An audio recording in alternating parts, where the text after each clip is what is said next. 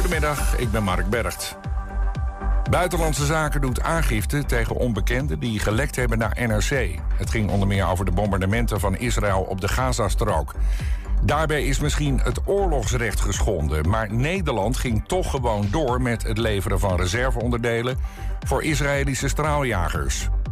Een paar honderd mensen uit de gemeente Noordoostpolder in Flevoland hebben een nieuwe stempas aangevraagd voor de Tweede Kamerverkiezingen. Dat was nodig omdat hun stempassen niet of verkeerd waren bezorgd. De gemeente stuurde iedereen een brief met de vraag om te checken of de pas was aangekomen. Dat was dus niet bij iedereen het geval.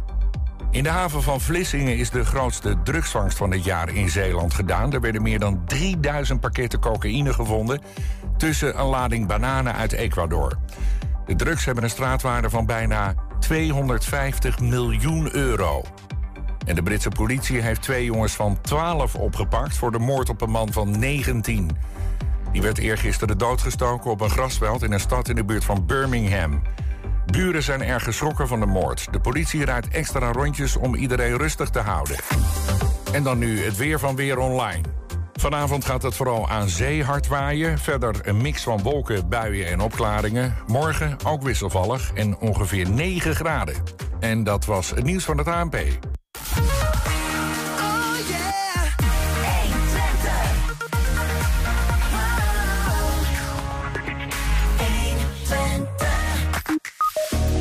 De theatermakerij in Enschede begint met iets nieuws. Het gaat een, nieuw castingbureau opzetten. En dat moet het castingbureau van het Oosten worden. Ja, een nieuwe aflevering van Twentse politici op weg naar Binnenhof. Met vandaag Isa Karaman van NSC. Het Oudere Songfestival, dat is een landelijk festival, is al sinds augustus aan de gang. Alle voorrondes zijn geweest en pre-finalisten zijn bekend. En daaronder een hengeloze. Ja, hulporganisaties stoppen voorlopig met het vervoeren van gedoneerde spullen naar Oekraïne, melden de collega's van de NOS. Wat gaat dit inhouden voor Stichting Oost-Europa Dinkeland? Het is woensdag 15 november. Dit is 120 vandaag. 120. 120 vandaag. Vanuit de landelijke film- en televisiewereld is er een groeiende wens om series en films te maken buiten de Randstad. Dat ziet Karine Roldaan, artistiek leider van Enschede Theaterschool De Theatermakerij. Maar bij het maken van bijvoorbeeld de bioscoopkraker De Beentjes van Sint Hildegard liep ze tegen een probleem aan. Want waar vind je nou die acteertalenten uit Twente? Samen met filmmaker en Emmy-winnaar Elisabeth Heesemans begint ze daarom iets nieuws. Theatermakerij Casting, ondergetiteld Het Castingbureau van het Oosten. Ja. Karin, welkom. Dankjewel. Dat is een grote ondertitel. Dat kan twee dingen Ja. betekenen. Of je hebt grootse plannen, of je bent ook de enige in Twente. Ja, Straks. eigenlijk mag ik voor beide gaan. Ja, dat mag ook. Want ik heb dus nog geen castingbureau inderdaad in het oosten gezien. Dus volgens mij zijn we de enige. Maar we hebben ook grote plannen. Kijk, Ja, daar gaan we het over hebben. ja, Morgen eh, ga je de boel lanceren. Komt er ook een website en dat Ja. soort dingen. Dus fijn dat je hier nu al kunt zitten om dit verhaal te vertellen. Ja. Ehm, eh, maar morgen gaat het echt officieel van start. Ja, want dan is de website af. Die was eigenlijk al af, maar we werken met een eh, systeem. waardoor als je inschrijft dat het allemaal in een database terechtkomt. En dat heet Mainboard. En dat komt uit Amerika. En dat heeft nogal wat voet in de aarde gehad. Ja, ja. Dus eh, veel Zoom-sessies eh, met mensen van daar in het Engels allemaal. Maar dat is nu af. En eh, dat moet nog geïmplementeerd worden. En dan kunnen we live. Dus dat is morgen als het goed is, ja. Ja. Hoe voelt dat? Zit er nog een stukje spanning omheen of iets dergelijks? Nou ja, ik zei gisteren eventjes van... ja, stel dat we dit helemaal op, optuigen... en we hebben maar één klus. maar dat is meer een soort angst die ook gewoon erbij hoort, denk ik. Want het is nu al niet zo. Want we worden heel veel gevraagd voor eh, het casten van films. En ik dacht ook ineens, wij gaan zelf ook heel veel met film doen. Shortfilms maken. Dus we gaan ook casten met onszelf als opdrachtgever. Ja, ja. Maar dus we doen ook landelijk veel dingen. Dus ik ben daar nu inmiddels al niet meer zo bang Nee, voor. maar stiekem ben je dus eigenlijk al, al bezig. Alleen er, er komt een, eh, een plakketje op en het wordt Ja. wat officiëler allemaal. Ja, ja, Even daarover gesproken, want eh, ik leid dat zo in. Hè. Je ziet dus blijkbaar een, een groeiende vraag vanuit eh, de Randstad... Waar, waar toch veelal deze wereld zich concentreert nu. Om ook in de provincie filmseries te maken. Waaraan zie je dat, die groeiende wens? Nou ja, dat komt eigenlijk gewoon ook door de vraag die wij nu eh, alweer krijgen om eh, te casten voor een nieuwe serie. Die zich ook hier gaat afspelen. En Mhm. ik weet dat dus gewoon ook van dat dat gezegd wordt eh, Ja. in tv-land. En dat, die, dat, dat er ook dus makers zijn die series willen maken buiten de Randstad. Ook om ja, misschien een groter publiek ook te bereiken. Of ook in ieder geval herkenbaar te, herkenbaarheid te maken bij te krijgen bij de provincies. Ja, ja. Nou ja, goed, ik zit even in mijn hoofd te denken. De Beentjes van Sint-Hildegard Ja. natuurlijk een eh, enorme bioscoopkaskraak Ja. kaskraak geweest. Nog meer van dat soort voorbeelden van die, die dingen die op regionaal eh, grond worden gemaakt? Ja, er zijn wel meer jeugdseries en films gemaakt, ook wel in Groningen en zo. Ehm, en het zegt ook niet dat dan alleen maar Twentse of Drentse of, of Limburgse acteurs worden ingezet. Helemaal niet.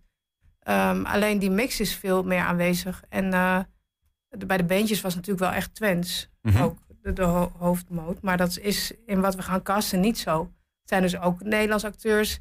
en eh, ook acteurs met een accent. En ook uit Limburg en ook uit, eh, uit Twente en Drenthe. Ja, ja. Maar ja, die, die, zijn, die wonen veel al toch wel ook hier. En zeker voor bijrollen ook. Is het gewoon super fijn dat mensen ook hier terecht kunnen. Maar hoe komt het nou zo ineens dat, dat dan die, die vraag zo groeit? Want je zegt juist om meer publiek eh, misschien aan te spreken. Maar ja, we, we wonen hier al een tijdje.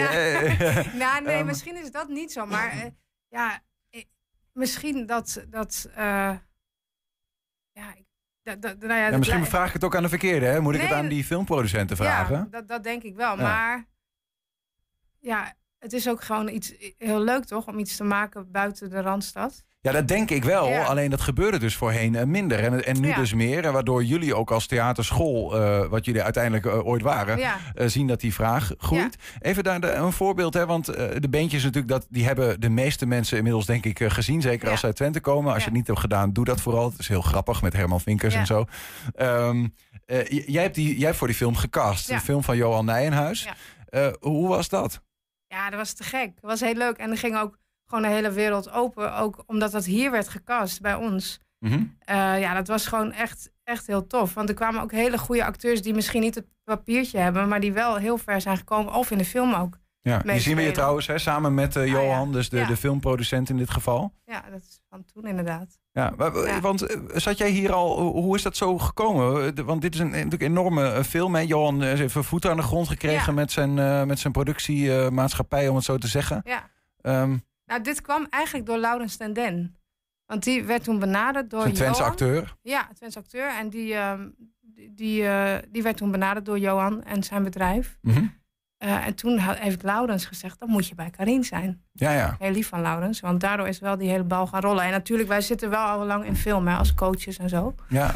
Ja, maar is dat logisch? Want ik bedoel, de theatermakerij is, is uiteindelijk een, theaterschool. Je Ja. met musical en, en, en films, Ja. eh, hè, hoe, camera acteren en zo. Ja. Maar ja, dat is nog niet meteen dan een, een eh, casting Nee, eh, nee. bureau of iets dat casting doet, toch? Nee, nee, zeker niet. Maar dat ligt meer aan de mensen die dan bij ons werken. Die ook, eh, dat zijn allemaal ZZP'ers.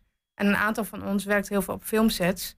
eh, en geeft ook camera acteren. Of regisseert zelf series, zoals Elisabeth. Ja. En eh, eh, Elisabeth en ik trouwens ook hebben ook heel lang... eh, Elisabeth zeker voor heel lang voor Elskes Kast gecast. Ehm, dus die zit al heel lang in dat vak. Ja. En Hier zien we er ook, hè? Elisabeth Heesemans, Ja. zelf even voor de camera. Ja, Emmy-winnares sinds november vorig jaar. Met haar kinderserie Kabam. ja ongelooflijk. Ongelooflijk, hè? Ja. dat? In. Amerika. Ja, ja, waanzinnig. Dat, eh, ja, want jullie doen dit dan dus samen. Zij, zij voegt dan ook een heel stuk netwerk ook weer toe, denk ik. Of, Ja, zeker. Ja. Ja. Dus en ook, het is ook voor kinderen, hè, want dat, dat is wel wat wij natuurlijk veel gezien hebben. Wij hebben veel gecast voor kinder, kinderkastbureaus. Ehm, en ik ben dan met de beentjes met volwassenen heel erg bezig geweest en nu weer. Maar ook met jongeren en ook met kinderen. En dat is ook wel leuk, want juist jongeren, als je voor een serie die we nu aan het casten zijn, eh, acteurs wil met een Twentse tongval van ongeveer 15, ja, die hebben nog geen acteurspapieren. Maar je hebt hier wel het ROC bijvoorbeeld, je hebt ons hier zitten. Daar kunnen wij wel echt eh, uit putten. En Ja. daar zitten hele goede jonge acteurs bij. En die komen dan daar ineens in terecht. Dat is natuurlijk heel leuk. Ja, en Ja. toch denk ik dan van, want je hebt natuurlijk ook gewoon de landelijke eh, castingbureaus. Ehm, daar, als je acteur bent en je wil wat, eh, dan, dan was het voorheen in ieder geval zo van, nou, je, dan moet je inschrijven. En dan komt er toch ook gewoon uiteindelijk een soort van labeltje bij van, hé, die persoon komt uit Twente en heeft misschien wel een Twentse tongval of wat dan ook. Zeker, maar je, je maakt je netwerk natuurlijk wel groter. Want wij doen deze casting die we nu doen ook samen met Postkastelijn. Dus wij, wij stemmen dat op elkaar af. Van oh, wie hebben jullie in je bestand en wie hebben wij? En dan is het altijd meer natuurlijk. Als je met z'n tweeën bent Ja, eh, of in twee eh, regio's zit, dan heb je toch meer eh, een groter aanbod. ja. ja snap ik. Maar, Ja. maar denk, is het ook voor sommige Twentse acteurs, is de stap naar de Randstad toch te ver? Verklein je hem ook op deze manier? In die zin dat je ook hier terecht kunt, nu bij jullie straks? Mm, ja, denk ik wel. Ja. Ja, dat, dat maakt dan die, de winst van een, lokaal, van een castingbureau dat ook in Twente Ja. zit, eh, denk ik, toch? Ja, Want je- zeker. En, en, ja, want eh, de meeste zitten natuurlijk toch in, in, in Amsterdam. En wij zitten hier. Dus er zit heel veel tussen Ja. Amsterdam en, en Enschede. Dus ook eh, als je een keer een casting zou opzetten of postkastelijn en die zoeken ook spelers van hier of met een tongval, dan kunnen ze ons bellen en dan zijn ze veel sneller bij ons om te casten dan in Amsterdam. Dus dat is ook een leuke samenwerking meteen, denk ik. Als we die ook eh, zeg maar even wat breder trekken. Hè. Ik, ehm, eh, die, die, die, die wereld, die filmwereld, hè, zeiden we al, die, die speelt zich toch veelal af in, in de Randstad. Ja. De televisiewereld speelt zich af in Hilversum. En eh, de, ehm, ja, dat maakt ook dat veel mensen die iets daarmee willen, die kant eh, optrekken. Ja. Nou ja, dat is een soort sneeuwbaleffect. Want dan Ja. groeit het netwerk alleen daar. Ja, Wat, wat betekent het, en dat is misschien een beetje een gedachteoefening hoor, maar dat jullie dit castingbureau hier beginnen. eh, Is dat een soort gamechanger voor, de, voor, die, voor die wereld of wil je het ze gewoon nog niet maken? ja zou, zou ik wel leuk vinden als dat zo is. Al is het maar klein om daarmee te starten, dat het ook dat het dus niet alleen maar zich daar afspeelt.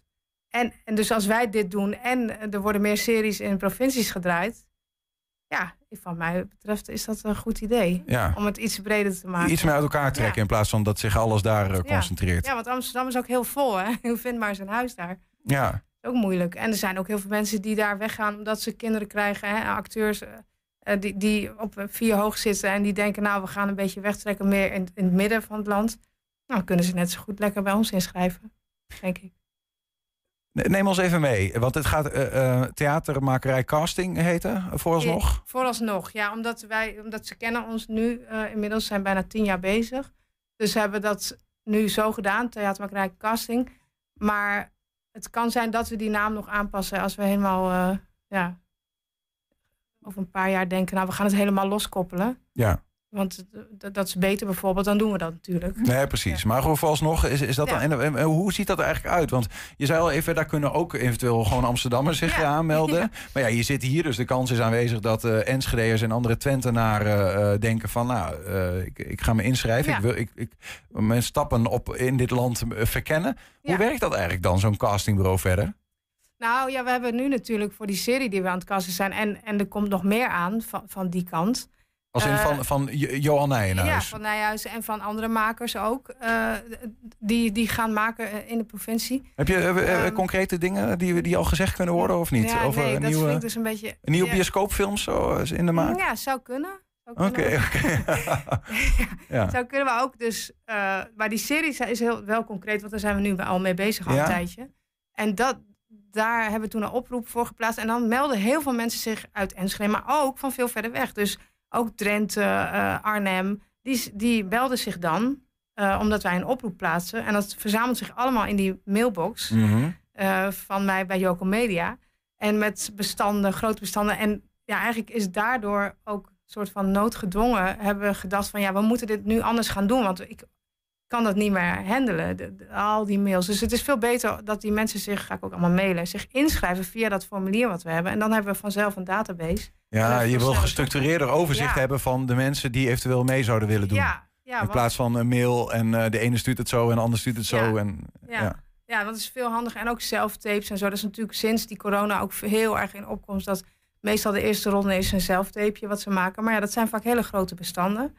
Eh, en wij moeten dat dan weer uploaden om, om te laten zien aan de producenten. Hoe is dat eigenlijk, eh, Karine? Om dan eh, zo'n. eh, want jij, je krijgt dan van alles toegestuurd natuurlijk. Ja. En die mensen willen heel graag. Ja, Maar de een zal beter zijn dan de ander. Ja. ja. dat is zo. Ja, wat ik het lastige soms vind, is eigenlijk wil ik, ja, vind ik het zo leuk dat iedereen zo geïnteresseerd is en graag wil. En echt hun best doen, ook voor die filmpjes. Ik zou iedereen wel een rol willen geven. Maar ja, zo werkt het gewoon niet. En dus het lastigste vind ik toch dat mensen vaak gaan vragen. En, en dat mag hoor, moeten ze vooral doen. Want het is soms ook een reminder van, oh ja, die is er ook nog.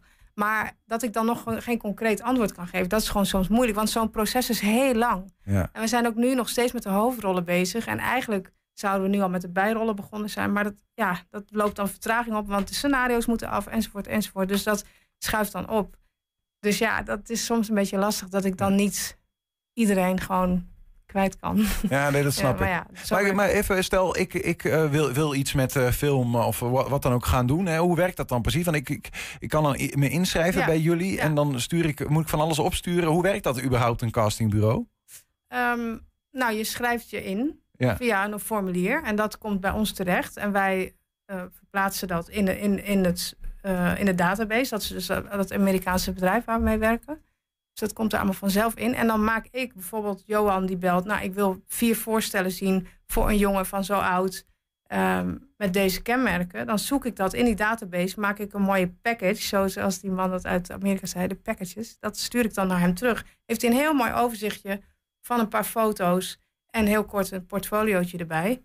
En dan, da- dan gaan we zeggen, oké, deze twee gaan we uitnodigen bijvoorbeeld. Of deze twee gaan we zelftape maken. Ja, ja. Dus zo, zo gaat dat. En dan gaan we op de vloer natuurlijk, daar zie je het meeste. eh, dat uitproberen. Maar je kan je dus gratis inschrijven. We eh, rekenen ook geen kosten voor. En dan kom je in die database terecht. En dan krijg je een berichtje als je hebt ingeschreven. Bedankt voor je inschrijving. We hopen dat je binnenkort eh, past bij een auditie die we gaan afnemen. Maar er staat ook onderaan, dat heb ik wel gedaan, van ehm, eh, een noot. Van een inschrijving is geen garantie voor de uitnodiging of een rol. Want dat, Ja, ja, ja. Dat Ja, is natuurlijk nooit zo. Dat, die verwarring is er nog wel eens. Dat Nou, iemand denkt... weet ik niet. Dat, dat, Nee. Tenminste, ja, nee, maar je wil gewoon in ieder geval zeker zijn dat dat eh, eh, nou ja, duidelijk is. ja dat, dat Ja. moet wel duidelijk zijn. Ja, dat dat geen garantie is. Want ik ben ook afhankelijk van de opdracht en van de rollen die gecast moeten worden. En daar moet je dan net in passen. En dat is natuurlijk bij televisie. Ja, komt dat heel nauw. Hey, heb je voorbeelden van, want we hadden het net even over hoe, ehm, nou ja, als je nu iets wil, toch in de Randstad vaak moet zijn. Ja.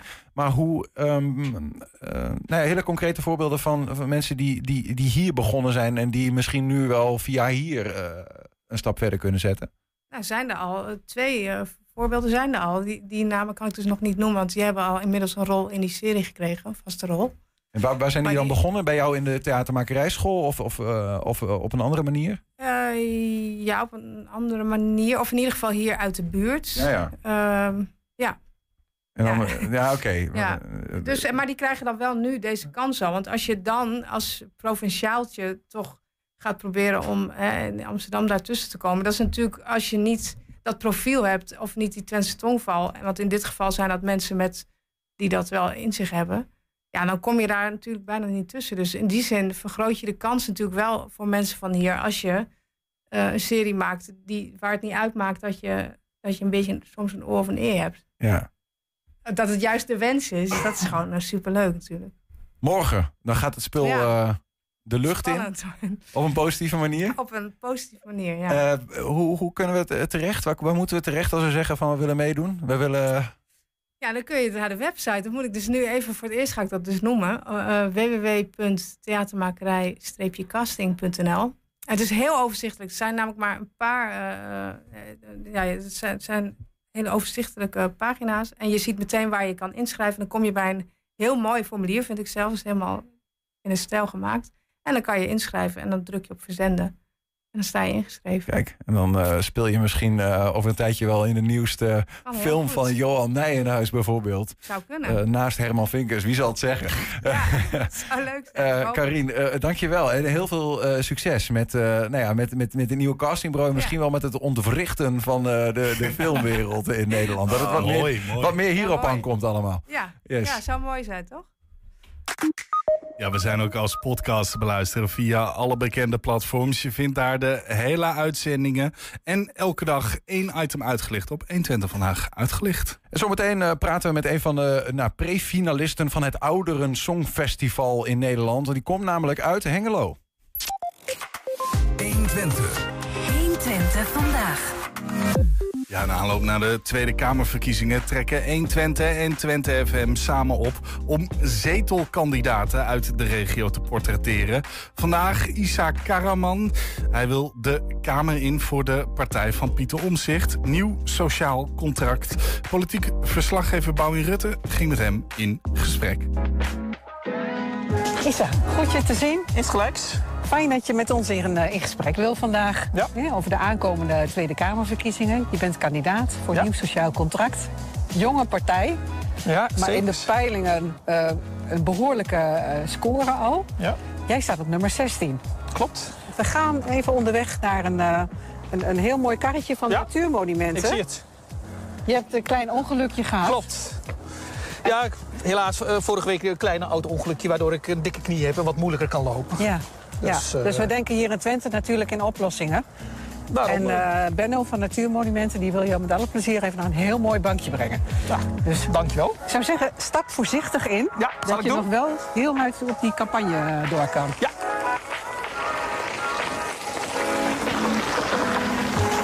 Zo, Kijk, je hebt een prachtige plek uitgezocht. ja, en je hebt een le- lekkere wandeling gemaakt. En ik heb een lekkere wandeling gemaakt. Maar je hebt wel een van de mooiste bankjes uitgezocht volgens mij. Nou, mooi. Nou, dat heeft denk ik ook Benny gedaan. Maar... Ja, ja. Was je hier al eens geweest, eh, Nee. Isa? Nee, moet ik eerlijk zeggen van niet. Ik ken het alleen vanuit eh, toen ik in de regio Twente zat natuurlijk. Eh, Ja. Want ja, dit is een park wat ook door de regio Twente wordt eh, beheerd. Ik Nee. kom wel vaak hier in de regio, want ja, ons klooster, het Siersordox klooster ligt hier in Glanen. Ja, ik ben lid van de Siersordoxe kerk. Ja. Dus een, een van de Oosterse kerken. Ik ben ook geboren in Zuidoost-Turkije. Dus als vluchteling hier naar Nederland gekomen. Op mijn achtste leeftijd, toen ik acht was. En eh, ja, sindsdien in eh, Twente terechtgekomen, in Rijssen. En eh, nou, we hebben een klooster hier in Glanen, waar onze bisschop ook zetelt voor heel Nederland. Dus nou, dat is voor ons echt wel een belangrijk punt. Heeft jouw achtergrond ook meegespeeld in de beslissing om je kandidaat te stellen voor de Tweede Kamer? Ja, nou ja, tweeledig. Enerzijds, ik, ja, ik, ik, ik zeg ook, ik ben als vluchteling binnengekomen. Ik wilde echt wat terug doen aan de samenleving. En eh, op mijn werk vragen ze me gek. Wat, wat ga je in de politiek doen? Al die ellende die je over je krijgt. Maar ik vind het echt wel als een stukje terug doen aan de samenleving. Ik heb zoveel gekregen. Ik bedoel, ja, ik kom uit een dorp zonder elektriciteit. Ik was analfabeet gebleven. En ja, nu heb ik een doctorale opleiding in bedrijfskunde. Nou, hoe gek het kan het lopen. Ja, wat mijn vader is ook, ja, de kans, nou, mijn vader is ook echt super trots. Ik bedoel, die zegt ook, ja, je kunt echt, kun je echt parlementariër worden hier in dit land als vluchteling? Ik zeg, ja, pa, dat kan echt. Een van jullie speerpunten is eh, bestaanszekerheid. Ja. Ik denk dat dat ook een onderwerp is wat bij jou dan ook wel heel erg aansluit, vermoed ik maar zo. Ja, absoluut. Kijk, ik, ik, ik ben als vluchteling, even de bestaande zekerheid heb ik hier kunnen opbouwen. Ja. Ik zeg altijd, ik bedoel, we zijn als vluchteling gekomen met echt helemaal niks. We hadden de kleren die we aan hadden, hebben we meegenomen. Ja. En hier hebben we stukjes bij stukje een eh, bestaan kunnen opbouwen. Nou, we hebben zelfs een klooster kunnen bouwen, we hebben een kerk kunnen bouwen in eh, de verschillende gemeentes waar we wonen. Ja, dat zeg ik, ja, hoe prachtig is dat dat je in een land dat, dat dit gewoon kan.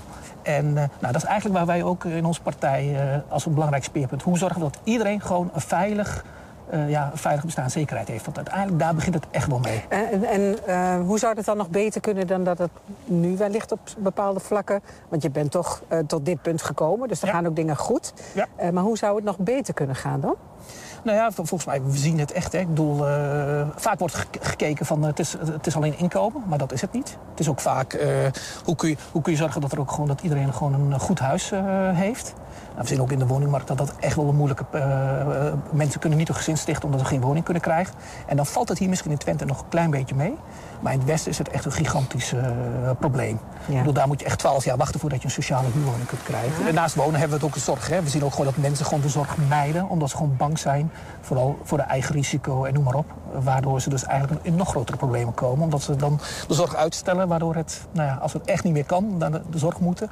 En eigenlijk dan een beetje al eh, te laat zijn. Er zijn wel van die punten waar we, waar we niet alleen aan inkomen. We relateren het ook echt aan andere dingen zoals de woningmarkt. Ja, want jullie zijn nou niet, jullie partij is niet direct overtuigd van het feit dat het minimumloon nu op korte termijn al omhoog moet. Nee, nee, wat wij hebben gezegd is, wij willen wel kijken hoe we de minimumloon willen aanpassen. Maar nu al meteen roepen we, willen het naar 16 euro. Dat gaat ons echt te ver. Maar daar hangen heel veel dingen aan samen. Het is niet alleen het, de loon. Hè. We hebben ook gezegd, nou ja, de kosten zijn eigenlijk te hoog in Nederland. Ja. Zoals de woonlasten, die zijn echt heel hoog in Nederland. Ja. En als je al een groot deel van je inkomen aan, eh, aan wonen kwijt bent... Ja, dat maakt het al moeilijk om dan rond te komen. Eigenlijk zeggen jullie van, joh, eh, zorg ook dat de mensen wat meer geld overhouden. Ja. Ja, hetzelfde met woonlasten. Ja. Eh, weet je, huur is één van de componenten. Maar als je energierekening 300 euro is... en je huis is niet verduurzaamd... Ja, Ja. Dan, is het, dan hou je echt wat minder over Ja. eind van de maand om eten te kopen. Dus wij zeggen, ga dan zo'n woning verduurzamen... breng je rekening naar 100 euro... Ja. en eh, dan is je huur Nou misschien ja, wel... 200 euro in de pocket. Ja. Ja. En dan kun je dan spenderen aan andere dingen. Aan je kinderen Ja. of eh, aan eten. Bestuurscultuur, hè? dat is natuurlijk ook een heel interessant item. eh, Ja. eh, niet alleen voor jullie partij, voor heel veel partijen. Wat gaat er veranderen straks in, de, in Den Haag? Eh, laat ik beginnen gewoon, ik denk met de toon. Gewoon de men, hoe, hoe, hoe, hoe mensen met elkaar omgaan, ook in de Tweede Kamer. Ik denk dat wij als Kamerleden eh, het voorbeeld moeten geven. Ja. En daar begint het bij. Ik bedoel, als wij al gaan schreeuwen, elkaar voor rotte vis uitmaken... Ja, hoe denk je dan dat de samenleving eh, dat oppikt? Dus dat vind ik echt een, gewoon een hele belangrijke. Eh, we hebben ook gezien de afgelopen tijd hè, zo'n eh, toeslagenaffaire over Groningen. Ja, het lijkt wel of parlementariërs niet willen luisteren wat er gebeurt in de samenleving. Ik denk dat als er meer parlementariërs uit Groningen waren, dat de Groningers eerder gehoord waren. En dat is wat wij willen veranderen. Is echt gewoon zorg dat je gewoon de mensen hebt eh, in de Kamer die ook luisteren naar hun kiezers. eh, en ook zich verbonden voelen met een bepaalde regio. Ja, ja. ja, de kans op verandering is natuurlijk nooit zo groot geweest als nu. Met, met eh, toch relatief jonge partijen. Nou, jullie partij is sowieso heel erg jong. Nog Ja. maar net, Ja, wat is het, weken. zes weken opgericht. Eh, maar ook eh, een partij als een BBB, eh, BVNL. Dat zijn toch allemaal eh, jonge, jonge partijen Ja. die zich aandienen. Ehm, de verwachtingen zijn voor de kiezer wel heel erg hoog. Hè? Er gaat nu echt wat gebeuren in Den Ja. Haag. Nou, volgens mij, Pieter probeert dat ook een beetje te nuanceren. Van we kunnen niet alles binnen vier jaar ook doen. Er zijn echt wel dingen die een aantal jaren nodig hebben. En misschien wel meerdere eh, kabinetsperiodes. Eh, maar wat we wel willen, echt die verandering inzetten. Laten zien van we gaan op een andere manier, eh, met een andere cultuur, eh, de politiek in. Eh, en dat wordt denk ik het belangrijkste. Gewoon het goede voorbeeld geven. Zorgen dat we kleine stappen nemen. dat de kiezer zich ook gehoord eh, voelt. Ik bedoel, zo'n toeslagenaffaire. Ja, ik, ik moet eerlijk zeggen, mijn hart doet wel echt wat pijn als ik hoor ook dat kinderen uit huis zijn geplaatst. Ik, bedoel, Ja. ik heb zelfs drie dochters. Nou, ik zou niet moeten denken dat een van mijn kinderen me afgepakt zou worden... omdat, omdat ik in de problemen ben geraakt door problemen... die eigenlijk niet eens door mij zijn veroorzaakt, maar door een overheidsinstelling. En dat is denk ik, nou, dat is eigenlijk cultuur. Van erken je fouten. Mhm. En we moeten denk ik ook als politiek dan niet heel heilig zijn... dat we dan zo meteen het ontslag van zo'n minister willen... als die erkent dat... Wij moeten dat juist toejuichen van dank dat u zo snel en heeft ingegrepen. En dat u uw fouten ook erkent. Want dat is... doe in wat met die bedrijfsle- fouten. Ja, in Ja. het bedrijfsleven gebeurt het exact hetzelfde. Alleen erken je fouten en probeer ze te corrigeren. Ja, ja. ja, mooi gezegd. Ik denk dat dat ook eh, een hele mooie afsluiter is voor, eh, eh, voor dit gesprek. Want daarmee geef je ook aan dat op het moment dat jij straks in de Kamer komt... en die kans is natuurlijk wel heel erg groot, hè, gezien de peilingen... dat je ook iemand bent die, die op een eerlijke wijze die politiek gaat bedrijven. Vanuit Twente, Ja. met een Twents hart. Ja, Ondanks dat het wiegje ergens anders stond. klopt. Dus ik ga jou heel veel succes wensen. Dank je. En wellicht hebben we je een volgende keer in een interview dat je in het, op het Binnenhof zit. En jullie zijn Succes. welkom. Nou, hartelijk dank. Dankjewel. 120 vandaag. Het traject voor het landelijke Ouderen Songfestival is sinds augustus eh, aan de gang. Alle voorrondes zijn geweest en de pre-finalisten zijn bekend. En Elena Kopanichuk uit Hengelo is één van deze mensen. Op 19 november krijgt ze opnieuw eh, de kans om het publiek en de jury in Heerenveen te overtuigen van haar zangkunsten. En Elena is nu bij ons. Welkom. Dankjewel, hallo allemaal. Eh, Elena, heel eerlijk, ik had nog nooit van het Ouderen Songfestival gehoord. Wel gek genoeg, ik ook niet. Ja, weet je, Ja, hoe, hoe, hoe- hoe kom je er dan zo bij? ja toevallig eh, op Facebook gezien. Nou, even, eh, ja, interessant. Eh, en eh, even kijken, dus even lezen. En daar staat, u kunt zich aanmelden. Oh, wat leuk. Maar ik was toch twee dagen laat. En ik denk, ja, oké, ik krijg enquête invullen, doorsturen. En krijg ik antwoord, ja, dat kan. Oh, wat leuk. En toen eh, was je in één keer, eh, mocht je ergens auditie doen? Of hoe werkt dat dan Eh, precies? nee, dat is geen audit, ja, auditie eigenlijk. Jij komt gewoon en jij meldt je aan natuurlijk. Jij schrijft wat ga je doen, wat wil je zinnen.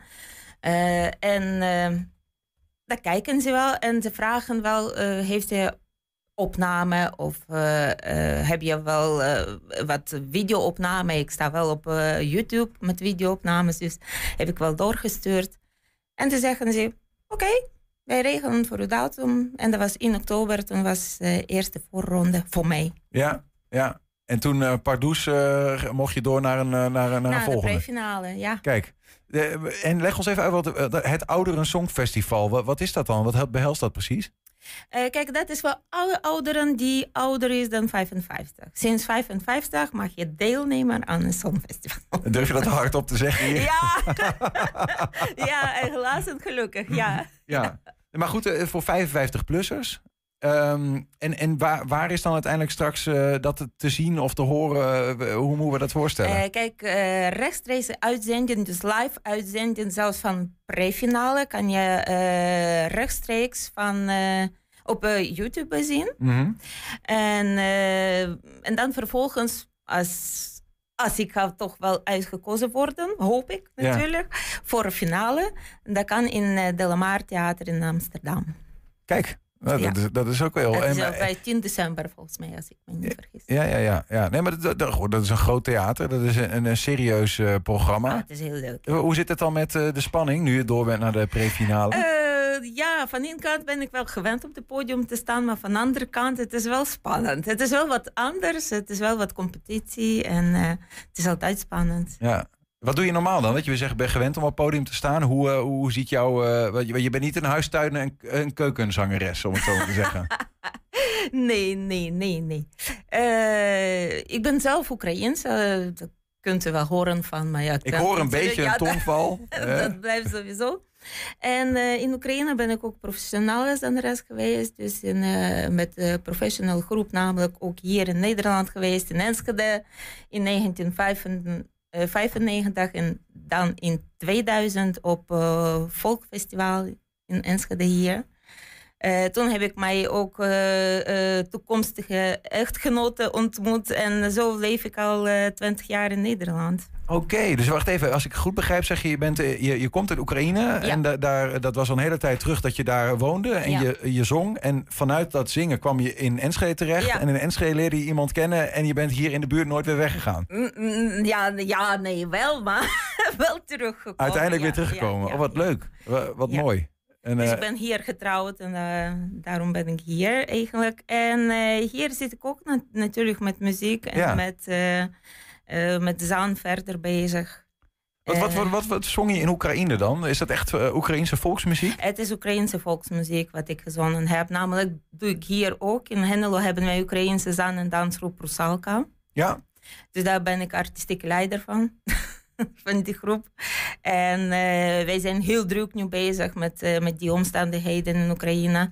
Eh, dus om eventjes Oekraïnse cultuur te laten zien. En, en Nederlanders ook laten zien wat eigenlijk Oekraïne is. Ja, ja. Vind je dat belangrijk zelf? Om dat op die manier eh, te, te, te laten zien? Eh, ja, want eh, eh, ja, Nederlanders moeten niet alleen maar trieste kant van Oekraïne eh, weten. Dat, dat dat oorlog is en dat ramp is en er gaat elke dag mensen dood. Maar ook zo'n vrolijke manier van Oekraïne. Wat is eigenlijk Oekraïne en Oekraïners? Ja, kun, kun je dat, eh, want ja, ja, je mag het ook zingen hoor, maar eh, kun, je, kun je dat eens eh, proberen woorden te geven van, van wat je dan, wa- wat jij ook graag wil laten zien van wat, wat Oekraïne is? Kijk, Oekraïne is een gastvrij land. En iedereen is welkom in Oekraïne met goede, met goede stemmen, met goede doelen, met, met alles en wat. En ehm Oekraïne is wel wat mensen die open zijn voor andere culturen ook nog. Maar wij hebben ook eigen cultuur heel rijk. En dansen en zangen en tradities eh, en alles en wat. Namelijk, eh, wij beginnen alweer met Rusalka nieuwejaarsoptreden te doen na coronatijd. Eh, en dat was wel traditioneel bij ons. Elke januari, eh, rondom 14 januari, want dat is oude nieuwejaarsdag, eh, kerkelijke, ortho- eh, volgens orthodoxe kerk. En daar hebben wij altijd wel een mooie buffet met Oekraïnse gerechten. Uiteraard Oekraïnse liederen en dansen. Wij nodigen altijd gasten uit. Deze keer, of volgend jaar zeg maar in januari, wil ik even die, ook zo die gelegenheid gebruiken om een beetje reclame te maken voor onze groep. Eh, 14 januari hebben wij nieuwejaarsfeest. Wij nodigen ook zo'n Nederlandse groep eh, uit eh, voor ook zo om Oekraïners die hier is gekomen, dus vluchtelingen, ook zo Nederlandse kant te laten zien. Ja. Dus om Oekraïners die hier nu eh onderdak gevonden, ook zo kennis maken met Nederlandse cultuur. En, met, met de Nederlandse- dans, ja, met ja, ja, wat, ja, wat ja, dat ja, betreft. ja, Ja, ja. Ja. Ja, la- laatste ding dan hierover, hè, want je zit hier ook voor, voor omdat je gewoon prefinalist van het Oudere Songfestival bent. Maar hoe, hoe is het dan voor jou geweest? Want je, je, ja, je kwam twintig jaar geleden al eh, eh, naar, naar Nederland toe. Ehm, en dan, dan leef je hier en dan eh, nou, breekt daar in jouw thuisland de oorlog uit. Ehm, eh, ja, en uiteindelijk komen er ook heel veel landgenoten vanuit Oekraïne deze kant op. Ehm, hoe, ja, ik kan me, hoe, voelt, dat dan? Hoe is dat dan? Want je moet die mensen, ja, je, voelt je misschien ook wel verantwoordelijk van hé, dat zijn mijn, mijn mensen, die moeten hier, die zijn ontheemd en die moeten hier een plek vinden. Ik ken het hier een beetje. Nou, kijk, dat is natuurlijk van één kant heel moeilijk, want daar zit nog familie van mij. En uh, een moeder, een broer met kinderen, een zus uh, met kinderen. En uh, ja, eerste was hoe, hoe kan ik helpen? Wat kan ik doen? Want ze zitten wel precies in de kant van de Krim, in de Gerson. En dat is de eerste stad die aangevallen was door Russen. ik hoor alle die, die verhalen en ook zo die berichten van mijn familie biedt voor ons, want wij zijn gebombardeerd. Het, het was echt. Het was echt uh, Onwerkelijk. Ja, nou, in het begin kon ik niet eten, kon ik niet slapen. Dat was gewoon spannend en, en was gewoon bang. En ja, ja. Als, allemaal uh, huilen kan je niet, want uh, ben je te, ja, ben je te stil voor die dingen. Ja. En daarna, dus de eerste, eerste week, en dan moet je wat doen. En dan uh, goederen uh, verzamelen, even helpen, even mensen hier ontwanen, want, alles voorbereiden. Want wij wisten wel dat vluchtelingen komen ook die kant op. Ja, ja. En nou, goed, die, die kwamen natuurlijk ook, ook hier naartoe, ook, ook naar Twente. En, en nou ja, goed, de, jij, jij zegt dus van ook met Roesalka kan ik wel iets voor ze betekenen, bijvoorbeeld. Om zich thuis hebben, te laten voelen, maar ook die Nederlandse cultuur. Ja, ja, ja. Uh... wij hebben ook zo heel veel uh, benefietconcerten gedaan uh, in het begin om geld te verzamelen voor Oekraïne, ja. voor vluchtelingen, voor gewoon om hier wel wat voor oorlog te kopen, ja, wat wij kunnen kopen, verrekijkers of powerbank, wat ons leger nodig had. dus wij hebben overal geweest waar wij gevraagd zijn en, eh, en niet gevraagd. Ja, ja, ja, ja, ja. als je maar dus iets ik uh, persoonlijk, niet alleen maar met mijn groep, maar ook persoonlijke optredens gedaan uh, voor, uh, voor die verzameling. Ja. Um, nou ja, je, je, dat optreden wat je dan 19 november gaat doen, is ook een persoonlijke optreden. Hè? Dat doe je in je eentje, niet met Roesalka erbij, nee, denk ik. eentje, ja. um, voor het Oudere Songfestival. Wat ga je daar dan? Zing je daar ook iets Oekraïens of zing je ook gewoon andere dingen? Uh, nee, ik zing andere dingen, want ik zing klassieke dingen. Eigenlijk, dat kan wel Oekraïens, maar waarom doe ik niet Oekraïens opeens? Want uh, een paar jaar voor, uh, daar was ook mijn landgenote deelgenomen. Uh, Ina Tischenko, volgens mij is haar naam. Ja, ja en daar, zij stond ook twee keer in de finale. En met Oekraïnse liederen. Ja, ik denk, nou, ja. ik hou wel wat Ik doe iets nieuws. doen. Ja. Maar klassiek, wat betekent dat dan? Uh, dat is operette. Wat ik zie, dat is een aria van operette van uh, Imre Kalman, van uh, Hongaarse componist, van Chardas Forsteen. Waarom Chardas Forsteen? Want eigenlijk, het is ook zo'n beetje in de bergen. En Oekraïne is ook in de, met de bergen, met mooie Karpatenbergen. En uh, eigenlijk zin ik in uh, Duitse taal, maar uh, de woorden daar, de tekst is in de bergen, is mijn heimatland. Dat, dat spreekt mij aan. Dus die. Um, ja, de tekst brengt je wel. Ja, dat is vol tem temperament. En Ja. zo is het Oekraïners, ja, vol temperament. Dus we gaan het niet zo expliciet horen in het lied dat je zeg maar daar gaat zingen, maar in jouw gedachten ben Ja, je wel ja, in Oekraïne. In mijn gedachten zing ik over Oekraïne. Ja, vind je dat ook belangrijk om op zo'n moment dan ook echt even dicht bij eh, huis te zijn wat dat betreft in je gedachten?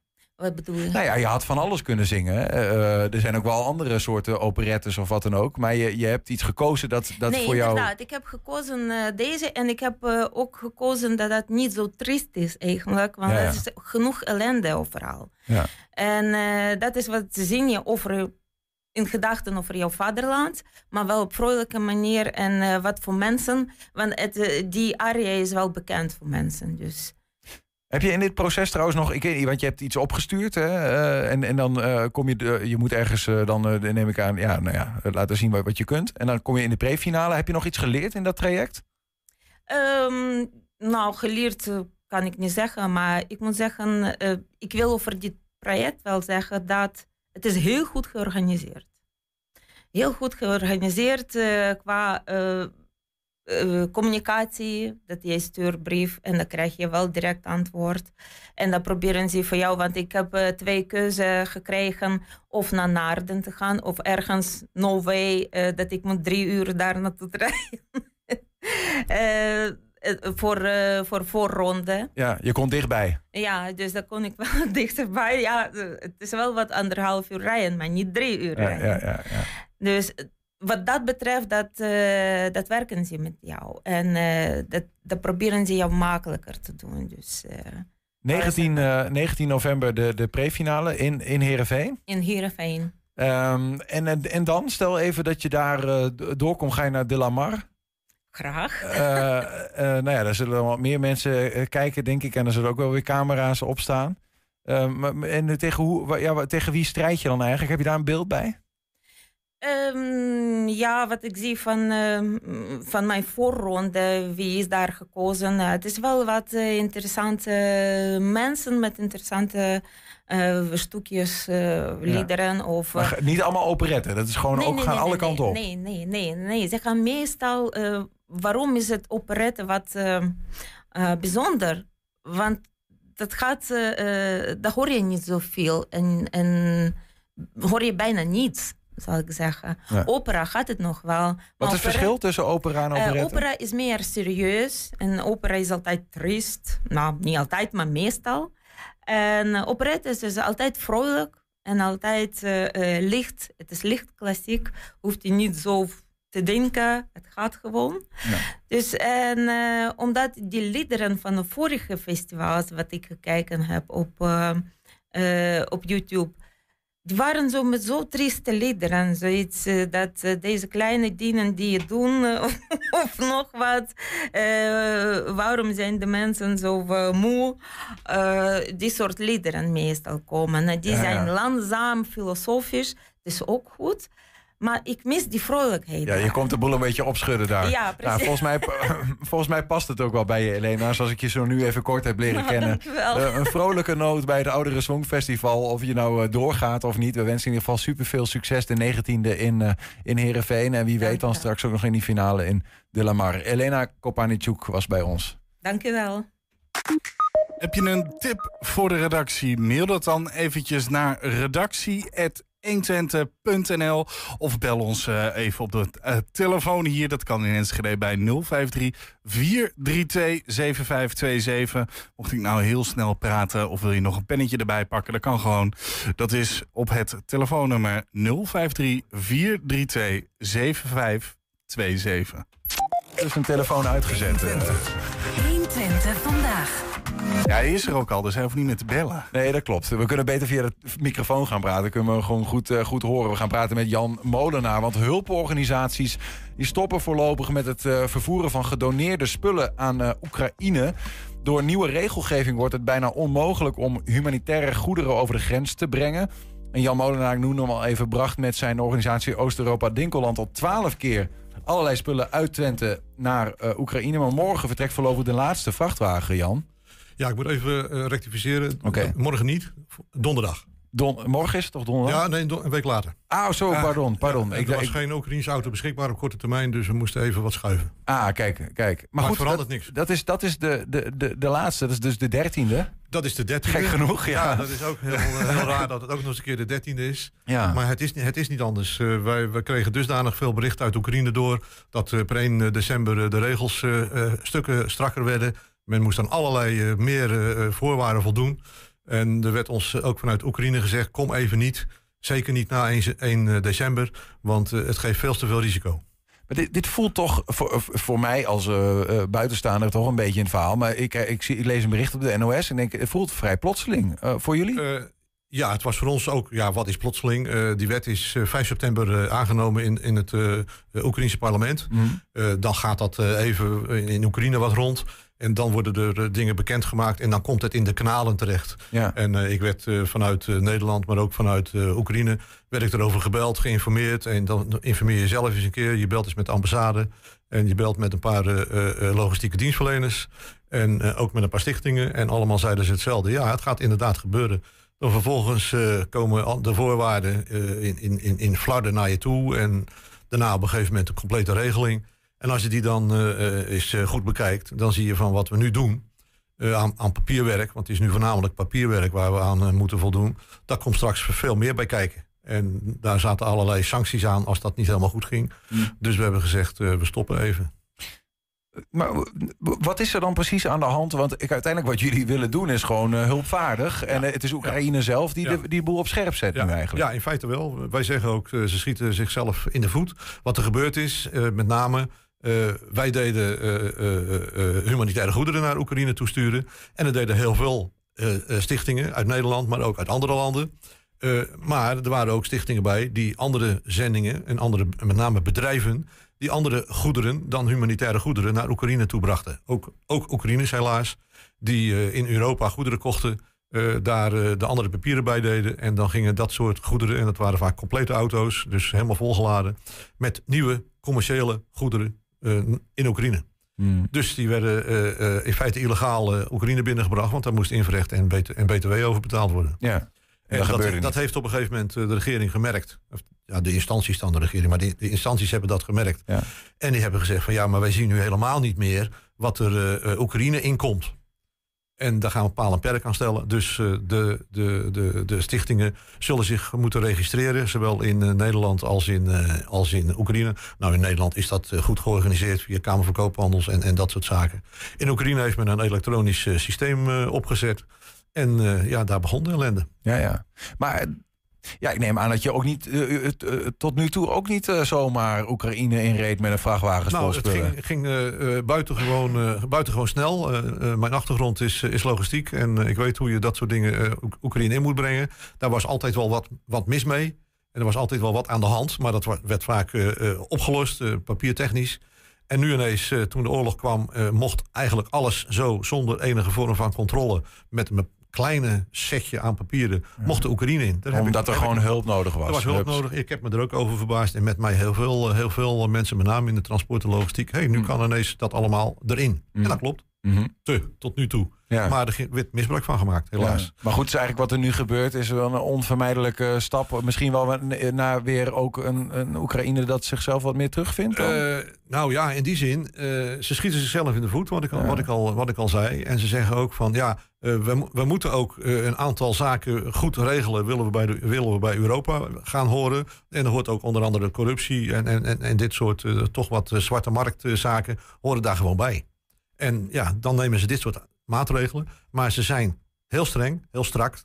En het treft ook de humanitaire goederen. En Ja. dat is het probleem. Daar hadden best eh, wat andere regelingen voor getroffen kunnen worden. Ja, bovendien, ik, ja, de- misschien is dat een beetje waar je ook naartoe... Maar ik, ik vraag me gewoon af, je, je- als je die vrachtwagen vult... dan kun je toch ook gewoon aan de grens checken van... joh, eh, wat, wat, wat voor een eh, vracht hebben jullie mee? En ehm, is dat, dat... dat zou kunnen als je een, als je een volle auto, eh, een volle vrachtauto hebt. En daar zitten bijvoorbeeld eh, alleen eh, matrassen in en, en, en, en, en, en bedden, zeg maar. Eh, dan heb je twee soorten goederen. En dat, dat, dat, dat werkt perfect. Wij zamelen eh, goederen in, eh, in een hele grote scala aan soorten. Mm. En dat betekent van, van medicijnen, levensmiddelen, naar eh, eh, borden, potten, pannen, koekenpannen, eh, elektronica in de vorm van een, een, een, een, een laptop, eh, verwarmingselementen, eh, eh, eh, heaters, generatoren, aggregaten. Eh, dat moet allemaal in de nieuwe regeling apart worden opgevoerd op een paklijst, die we nu ook al wel maken. Maar die paklijst was eh, twaalf categorieën. En als je alles eh, gaat, eh, gaat doen volgens de regels per 1 december, moet je alles, zoals ook de commerciële goederen, alles per stuk aangeven. Ja. En dat betekent dat je niet alleen moet zeggen het is die en die soort goederen. Daar hoort een bepaalde code bij, dus een, een douanecode. Ja. Je moet opgeven wat het gewicht is. Je moet opgeven wat de inkoopwaarde was. Je moet opgeven wat nu de huidige waarde is. Nou, dat zijn gebruikte goederen. Dus de waarde is in feite nul. Het zijn geschenkgoederen. Ja. Eh, ja, dat gaf allemaal veel. Is allemaal, het- eigenlijk is het eh, verhaal dan vanuit jullie ook van dit, dat, dat kunnen we in principe nog wel doen, maar dat is, dat is, dat is niet meer te doen Nee, eigenlijk. we, we kunnen het, we kunnen het best doen. En niet alleen wij kunnen het doen. Maar in Oekraïne moet dan ook door de, door de eh, instantie, eh, door, door de stichting, heel veel gedaan worden. De ontvangende de instantie. ontvangende instantie. Ja. En die moet daar iemand eh, specifiek voor, eh, voor, voor inhuren die eh, kennis van zaken heeft. Dat is de, de customsbroker, dus de, de, de douaneman.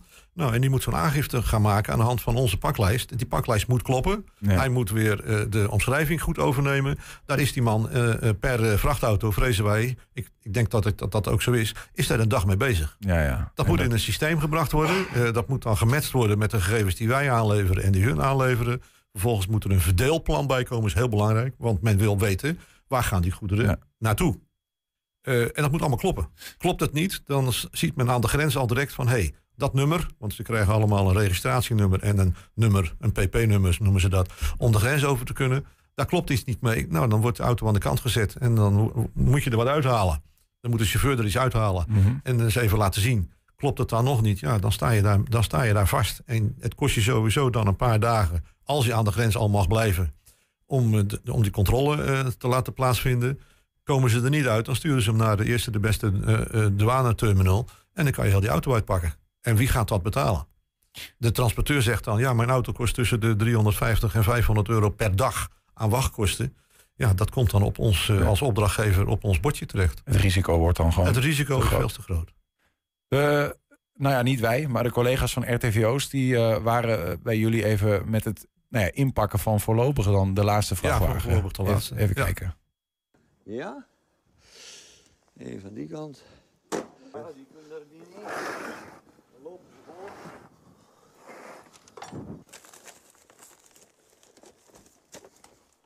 De elektrische bedden, be- beweegbaar. Eh, autobanden voor de auto's daar die heel snel de banden kapot gaan. Eh, nog meer matrassen, eh, kinder, kinderstoelen, kinderwagens.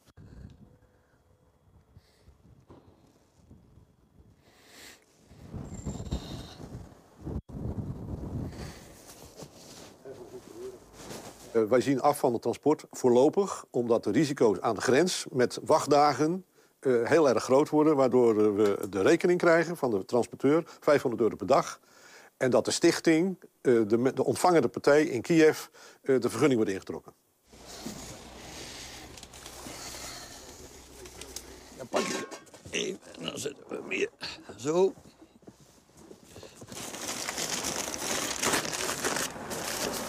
Door onze contacten die we daar hebben, zien we hoe het geregeld is. Waar het terecht komt, wie daarmee.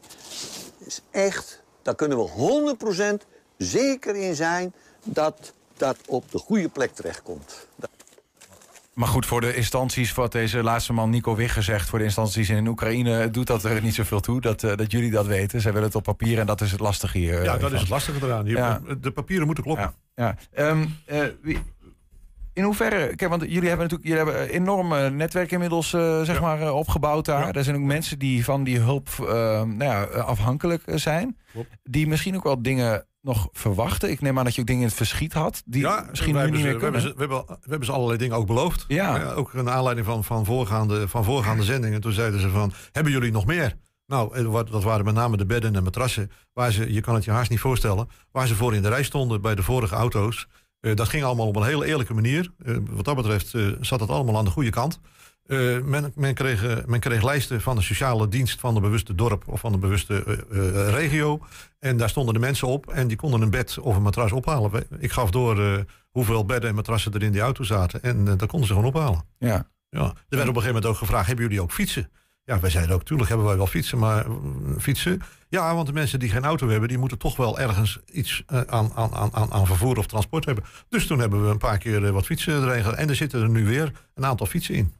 Maar ja, goed, je, je- het is maar, ja, je kunt niet eh, al die bedden die je beloofd hebt in die laatste vrachtwagen stoppen. Nee, helaas aan. niet. Helaas Ehm, wat, wat zeg je dan tegen die mensen nu? Eh, wij zeggen tegen de mensen van eh, wij houden moed en proberen jullie van jullie kant middels petities en die ook vanuit Europa komen de ge- regering op andere gedachten te brengen. Dan komen de andere zaken, de humanitaire zaken vanzelf weer. Daar heb je vertrouwen in. Ik heb er vertrouwen in dat het, dat het weer gaat gebeuren. We maken twee maanden pas op de plaats. En eh, in de tussentijd kijken we wat er gebeurt. Kijk, ja, er want één- even nog- 1 januari, nee, 1 december gaat die nieuwe wet in. In 1 december gaat die nieuwe wet in. En Waarom die twee maanden dan? Hoe bedoel je Ja, ja, nou, we hebben gezegd december, januari, dat zijn twee maanden. Het zijn wat rare maanden met de feestmaanden erin, zowel in Nederland als in, als in eh, Oekraïne. Eh, in de tussentijd gaan er best wel zendingen die kant op. Laten we in de tussentijd kijken wat er gebeurt. Er komt nog bij dat... Ja, je bedoelt, je bedoelt even naar anderen kijken. Gewoon van en een afstandje andere- wat ja, er er gebeurt. zijn andere bedrijven, er zijn grote... eh, kijk, wij zijn in feite maar een kleine stichting. Mhm. Er zijn grote stichtingen die zeggen van... wij sturen één of twee proefauto's na 1 december. En die gaan de grens over. En we proberen aan de voorwaarden te voldoen. En kijken in hoeverre wij echt zo strak gecontroleerd worden. En of dat ze inderdaad ook alles zo strikt eh, eh, nemen als dat het op papier staat. En er zijn ook Oekraïners die ik goed ken... die tegen mij gezegd hebben van... Jan, je kent de Oekraïners wel... op het laatste nippertje wordt zo'n regeling wordt versoepeld. Nou, daar hopen we op. Ja. Maar dat zal niet direct de eerste, de, eerste, de eerste weken zijn. Tenzij ze zeggen van, oké, eh, er is zoveel protest, we schorten het even op. Dat kan natuurlijk ook. Ja, dan kunnen we eventueel verder. Maar we hebben gezegd, we houden nu even pas op de plaats. We maken Ja. even pas op de plaats. Kijken wat wordt. Kijken wat wordt. Ja. Er komt nog bij eh, dat eh, deze auto is een hele dure. We hebben er lang over nagedacht of dat we het zouden doen. Want de, tra- de, de, de transportmogelijkheden tussen Oekraïne en Europa... die zijn verstoord door eh, de Poolse eh, eh, transporteurs... die de grensovergangen blokkeren. Dat betekent dat er maar mondjesmaat Oekraïnse auto's in Europa beschikbaar zijn. Er zijn bijvoorbeeld eh, 100, eh, 100 aanvragen om een vracht van Europa naar Oekraïne te brengen. En er zijn maar 10 auto's beschikbaar. Ook wij hadden daar last van, want daarom is het ook de Er vertraging. moet een speciaal soort auto zijn. Nee, nee, nee, nee, nee, nee. Maar de auto's, die, de, de vrachtauto's, die zijn gewoon op dit moment niet beschikbaar. Omdat ze aan de Oekraïnse kant, aan de grens, in de file staan. En waarom wordt eh, de, de grens geblokkeerd? Dat heeft te maken met de graandeal die men gemaakt heeft. Eh, Polen is daar enorm op tegen. Eh, het gra- graan komt eh, eh, voor een appel en een ei Europa in. En onder andere Polen in. En ze zeggen van, eh daar wordt onze landbouw mee geschaad. We houden dat tegen. Ja, ja. ja. Dus zijn er, is er een, een, een, een onbalans in het aantal auto's. Ja. Wij hadden een, een auto gepland inderdaad voor donderdag. Maar ik kreeg te horen dat hij een dusdanig vrachtprijs vroeg... dat we zeiden van zullen we dat nou nog wel doen? Dus eigenlijk heeft deze dertiende auto al beetje op de kiep gestaan... van doen we het wel, doen we het niet. ja. Nou, via via, en ik heb nog aardig wat, wat contacten... hebben we toch voor elkaar gekregen dat het bedrag onder de 4000 euro bleef. En nou, die hebben we dan toch maar gepakt. alhoewel eh, het haast dubbel is van het normale vrachttarief Ja, precies. Dus van allerlei kanten wordt gewoon het werk dat jullie doen nu eh, Het bedreigd. wordt, het wordt aan alle kanten een beetje bemoeilijkt. En eh, twee maanden pas op de plaats. kijken wat de Oekraïnse de Iners doen met hun regels. Kijken wat de Polen doen met hun, Klopt, hun, klopt. hun grensverhaal. Ja. En, Wij zijn in dit geval ook niet de enige, want ik ben gisteren en vandaag eigenlijk van alle kanten gebeld van hoe gaan jullie dat doen? Wij doen het zo. Nou, eigenlijk is de conclusie van heel veel instanties zoals wij, stichtingen zoals wij, we gaan even kijken wat er gebeurt. En de grotere zeggen we gaan het proberen. Jan Molenaar, dank voor je komst, voor de uitleg. En eh, nou ja, eh, wie weet, over twee maanden rijden jullie weer. En anders dan eh, eh, ja, su- succes en sterkte misschien ook wel een beetje. Eh, de teleurgestelde vrijwilligers eh, die houden toch moed en eh, we gaan proberen om dat eh, weer eh, voor elkaar te krijgen. Alle goeds. En daarmee zijn we ook aan het einde gekomen van 120 vandaag. Terugkijken, dat kan direct via 120.nl. En vanavond om 8 en 10 zijn we ook op televisie te zien. Zometeen hier op de radio Henk Ketting met de kettingreactie. Wij zeggen veel plezier en tot morgen. 120. Weet wat er speelt in Twente. Met nu het nieuws van 5 uur. Goedemiddag, ik ben Mark Bergt. De Israëlische premier Netanyahu zegt dat Hamas op geen enkele plek meer veilig is in de